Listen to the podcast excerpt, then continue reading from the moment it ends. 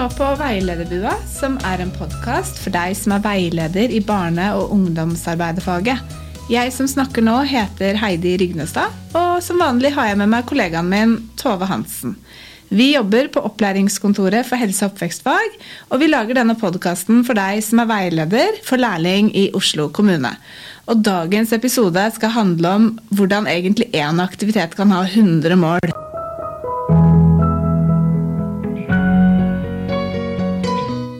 Nå skal ikke vi ramse opp 100 mål i denne episoden her, men eh, vi er jo enige om at eh, man kan sette masse forskjellige mål på en aktivitet. Mm.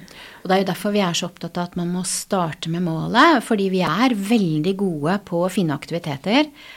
Eh, og Heidi, du har jo hatt litt erfaring med eh, å bruke pizzaverksted når du har jobba med ungdom. Kan ikke du fortelle jo, litt om det? Det kan jeg si. For det er klart at det, det er jo veldig fort gjort å være Jeg kaller det aktivitetsorientert. Ja.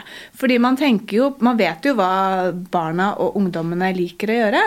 Det, gjør, det får man jo innsikt i ved å observere og være sammen med denne gjengen.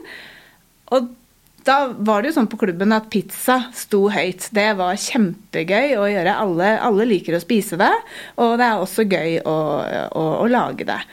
Og det er relativt enkelt. Så pizzaverksted var liksom en aktivitet som vi gjorde mye. Og det var fort, eh, fort å på en måte tenke at nå har vi bare pizzaverksted for å ha pizzaverksted. Men dersom man begynner å skal planlegge og jobbe med planleggingsskjema, så kan man jo selvfølgelig ha aktiviteten i bakhodet fordi man veit at ungdommene liker det. Men så kan man begynne å se hva man egentlig konkret kan jobbe med og sette som mål for en sånn aktivitet. Mm. Eh, tenker vi jo også handler om eh, de sosiale målene. ikke sant? Det med å bygge identitet og sosialiseringsfaktorer. Det med å bygge relasjon. Og det som er fint når man står på et sånt bitte lite kjøkken, f.eks., som man eh, noen ganger har på klubber, så, så så er det en fin måte å bygge en god og nær relasjon og få til gode samtaler også. Så det kan være ett av målene, det sosiale. Det sosiale. Og hvis vi skal eh, se enda større på det, da, skal vi se på hele, hele aldersspennet som barne- og ungdomsarbeideren jobber med, så syns jeg jo pizzaverksted i en barnehage og en aktivitetsskole og en ungdomsskole også er absolutt, eh, absolutt noe man kan, eh, kan ha sammen med barna. Og også nå sosiale mål ved å ha pizzaaktivitet. Men det som også er Det som også, det drar oss litt tilbake til det vi har snakket om i en annen episode, dette med å ha konkrete små mål. Fordi at eh, hvis, hvis målet er vi skal lage pizza, eh, så sier ikke det så mye om hva man skal oppnå. Men nå skal jeg bare komme med noen eksempler på hvordan man kan bruke pizzaverksted til å nå forskjellige mål.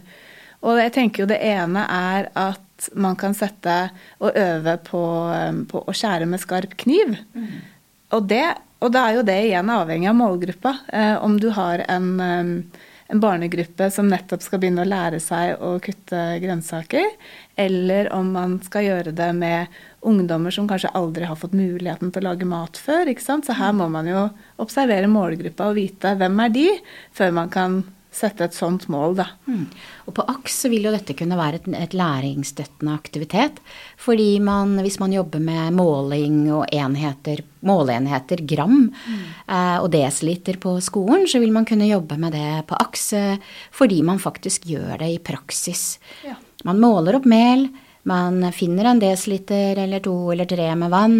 Eh, så får man eh, en, eh, noe, en hyggelig aktivitet der hvor man på en måte lærer Eller støtter den læringen de har hatt på skolen. Nettopp. Så nå har vi jo vært innom veldig mye. Vi har snakket både om sosiale mål, vi har snakket om rent finmotoriske mål, og også dette med matematikk, ikke sant. Så vi har jo allerede nå, vi har snakket i fem minutter, og vi har vært innom mange ulike mål. Jeg tenker jo også at en et pizzaverksted kan jo også gi eh, målgruppa eh, erfaring med å håndtere varme stekepanner, skru av eh, ovnen etter seg. Da er vi på helse, miljø og sikkerhet. Og det å kunne tilberede mat, som er faktisk en ferdighet som de aller fleste skal, skal lære seg en eller annen gang i løpet av livet. Så det å få øve seg på det sammen med trygge, kjente voksne på klubben eller i barnehagen eller på skolen, det er jo helt supert. Mm. Og ernæring, ikke sant. Altså det handler jo om eh, Nå er ikke pizza kanskje det mest sunne vi har eh, på, på bordet, men eh, det er veldig godt. Mm. Men man lærer noe om det allikevel, og man har jo, kan putte på ting man liker. Man kan lage sin egen pizza. Det går på eh, former, geometri. Og det kan også berøre, berøre, kreativitet. Det kan også være kreative mål ikke sant? på mm. å sette sammen smaker og eksperimentere. så jeg tenker at nå har vi kanskje nevnt ti forskjellige mål, men det å jobbe med pizzaverksted som utgangspunkt, så kan man ha masse forskjellige mål. Og det er jo her som igjen kan oppsummere mye av det vi snakker om med konkrete mål. For er målet konkret nok?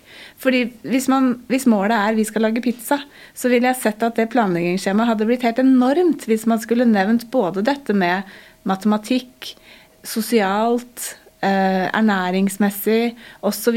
osv.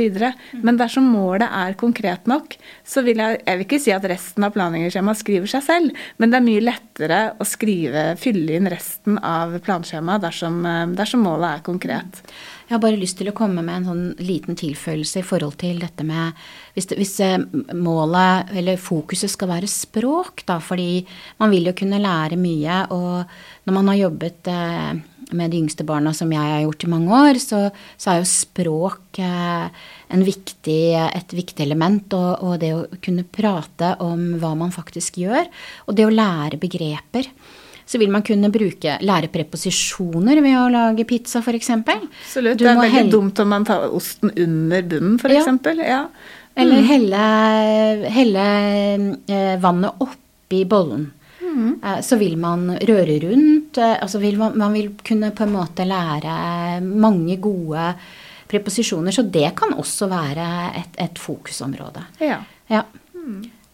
Så det er ikke sånn at man skal bare ta utgangspunkt i hva eh, målgruppa trenger å lære seg, og, og, finne på en måte opp helt nye aktiviteter basert på det. Man kan fint ta utgangspunkt i en aktivitet som, som man vet at målgruppa liker, og så kan man tilpasse målet og hensikten. Og det er klart at det skal ikke vi snakke om i denne episoden, men da blir jo voksenrollen og det fokuset som du som, leder, eller som lærlingen som leder aktiviteten eh, tar, som er avgjørende for om det målet blir nådd eller ikke. For hvis fokuset er sosialt samvær, eh, gode relasjoner blir kjent over en pizza, eh, og fokuset under aktiviteten er på å kutte grønnsaker, så sier det seg selv at man ikke når Eller man når kanskje målet, men da har man ikke fokuset der man skal. Så, så ved å fokusere litt inn mot målet underveis i både planlegging og gjennomføringa, så er det, er det utrolig mye man kan nå bare ved å lage en pizza. Ja. ja. Ja, men Da håper vi at vi har klart å belyse hvordan en aktivitet kan ha 100 mål.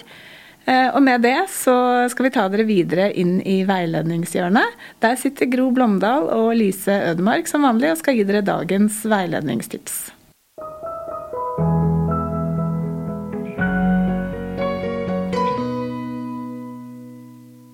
Hei og velkommen til veiledningshjørnet. Når lærlingen og alle vi andre skal planlegge noe, og vi kjenner målgruppa for planen, så er det viktig å vite hva som er her og nå-situasjonen, og hva vi ønsker å oppnå. Da vet du om en modell i seg som kan være fin å bruke. Ja, den heter Søt-modellen, og jeg tenker den kan være et nyttig redskap.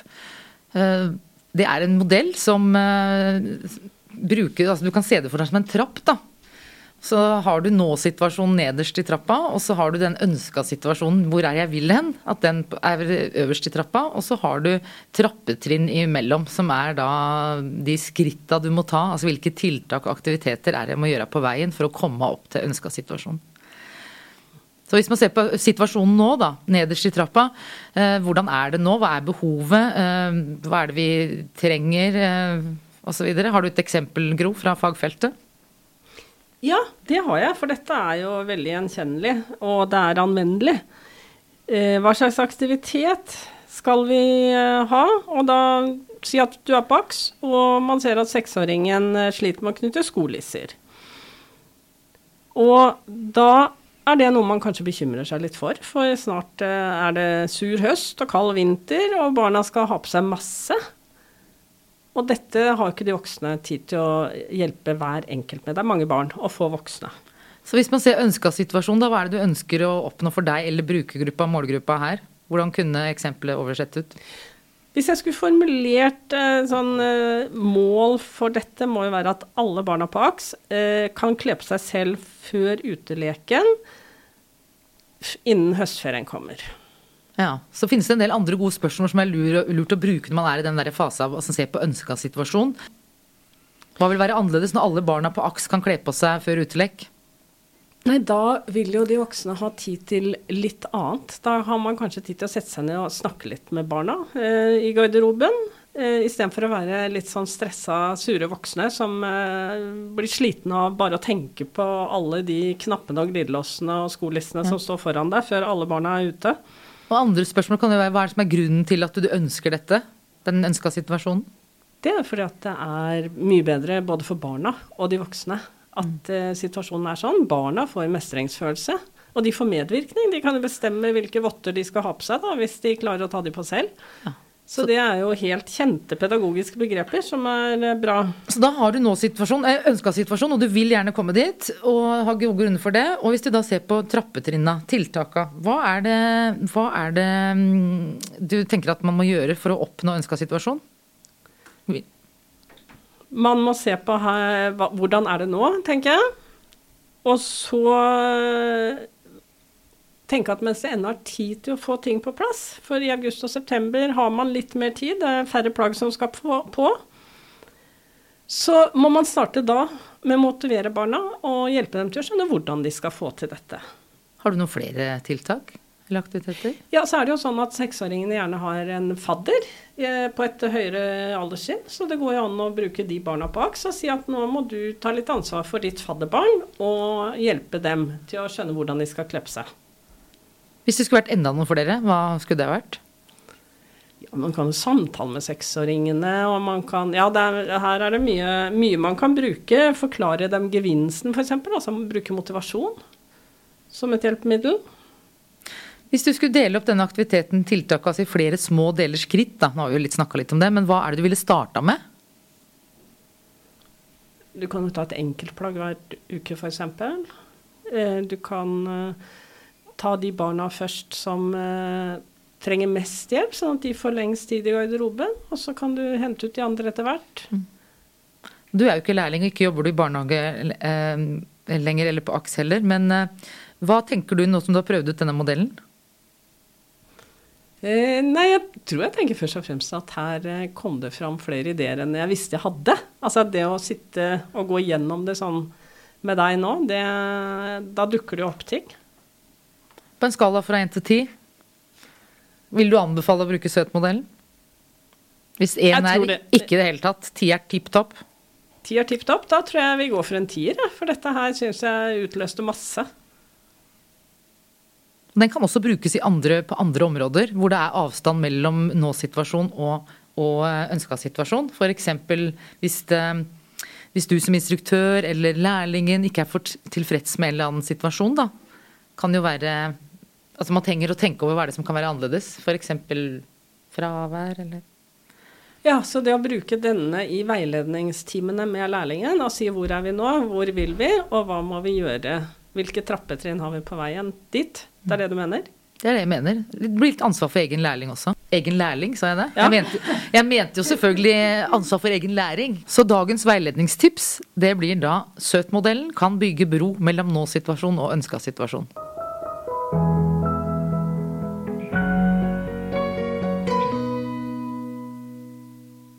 Husk at du finner støttemateriell til denne podkastepisoden i OLK og vi tar gjerne imot innspill og spørsmål til podden. Og de kan du rette til oss enten på Facebook, Instagram, eller send oss en e-post eller ring konsulenten din.